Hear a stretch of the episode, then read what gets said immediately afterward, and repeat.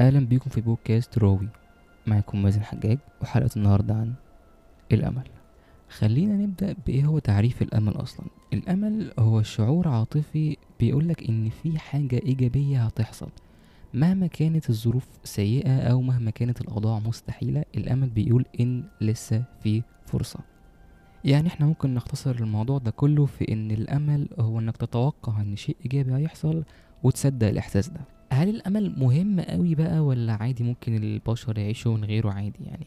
خليني أوضح إن في دراسة من هارفارد اتعملت على 13 ألف شخص. ال 13 ألف شخص دول كانوا معدل أعمارهم 66 سنة. لقوا الأشخاص اللي متمسكين بالأمل أكتر عاشوا حياة نفسيا وصحيا أحسن بكتير. وده من رأيي ما كانش شيء مفاجئ قوي لأن طبيعي إنسان عنده أمل هيبقى غالبا حياته أحسن. لكن الشيء المفاجئ جدا هو إن الناس اللي تمسكت بالأمل كانوا عرضة أقل للإصابة بمرض السرطان. يعني هل ده شيء ممكن إن الإنسان وسط التقدم العلمي الكبير اللي إحنا فيه دلوقتي آه، علشان تقضي على مرض زي السرطان ده هل ممكن حاجة بسيطة جدا زي أنت يبقى عندك أمل تقضي على المرض ده؟ ده ياخدنا لموضوع تاني شوية اسمه end of life care وهو ترجمته الحرفية عناية نهاية الحياة.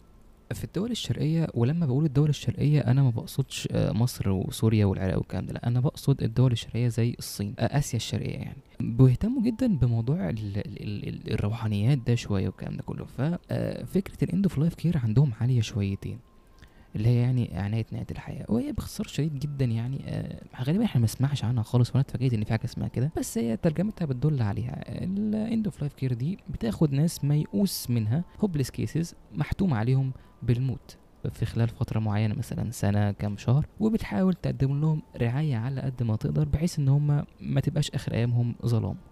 طبعا المنظمات اللي هي شغالة بنظام ال end of life care دول آه، مختصين في الموضوع. هم مش مش دكاترة عضويين لا هم زي ما تقول كده نفسيين شوية والممرضين برضو مش بيبقوا من النوع الطبي أو العضوي لا هو mental أكتر منه عضوي لأن باختصار ده شخص قدامه سنة ويموت.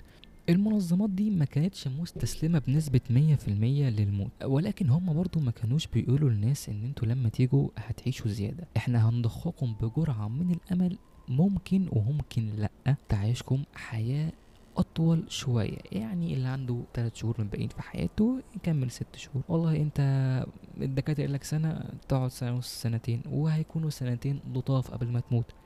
فده كان ال ال الهدف أو النواة بتاعت المنظمات دي.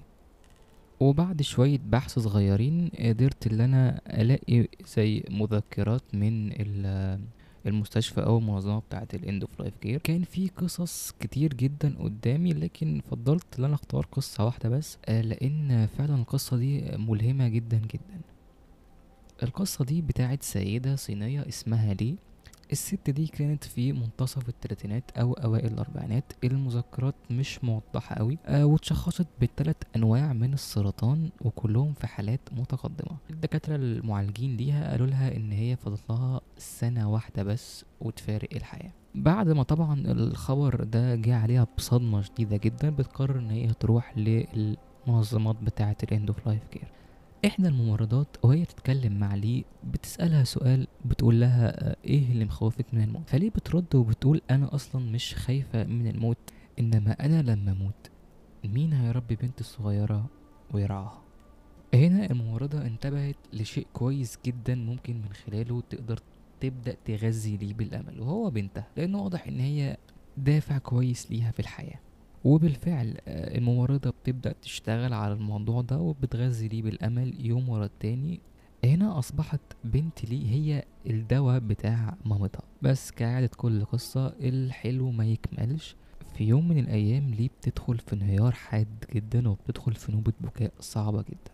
وليه دخلت هنا في حالة يأس شديدة جدا لدرجة إن هي كانت رافضة كل العلاج وكل التغذية بالأمل اللي جاية حتى من بنتها وهي قاعدة في أوضتها. في وسط كل ده بتحصل أجمل صدفة ممكن تحصل في حياة لي وهي إن بنت إحدى الممرضات غير الممرضة المعالجة للي بتدخل عليها بطبق سلطة. هنا لي بتفتكر بنتها وبتستحضر صورتها وبتقول في نفسها إن أنا في طفلة حطاني في دماغها شايفاني إن أنا زعلانة فقامت جابت لي طبق سلطة. تخيل اللفتة الصغيرة قوي دي من البنت البريئة قوي دي أعادت الأمل للي تاني وخلتها تستجيب للعلاج بشكل أفضل. بطلة قصتنا لي اللي كانت متشخصة بالتلات أنواع من السرطان والدكاترة كانوا بيقولوا لها إن فاضل لها سنة واحدة بس وتموت. قدرت بالأمل وبخوفها على بنتها إنها تواصل الحياة لمدة 19 سنة من بعد تاريخ التشخيص. في قصة غريبة جدا لكنها حقيقية ليه قدرت إنها تعيش بالأمل. بس الأمل فعلا ممكن يحقق المعجزات بس مش شرط الأمل ده يكون في حاجة كبيرة مش شرط يكون في بيت أو عربية أو أيا كان. في قصتنا لما الدنيا انهارت تماما اللي أنقذ البطلة هو طبق سلطة. فلو فعلا عايز نصيحة دور على طبق السلطة بتاعك. دي كانت حلقتنا النهاردة من بودكاست راوي وكانت بعنوان الأمل. وكان معاكم مازن حجاج. وبس كده. سلام.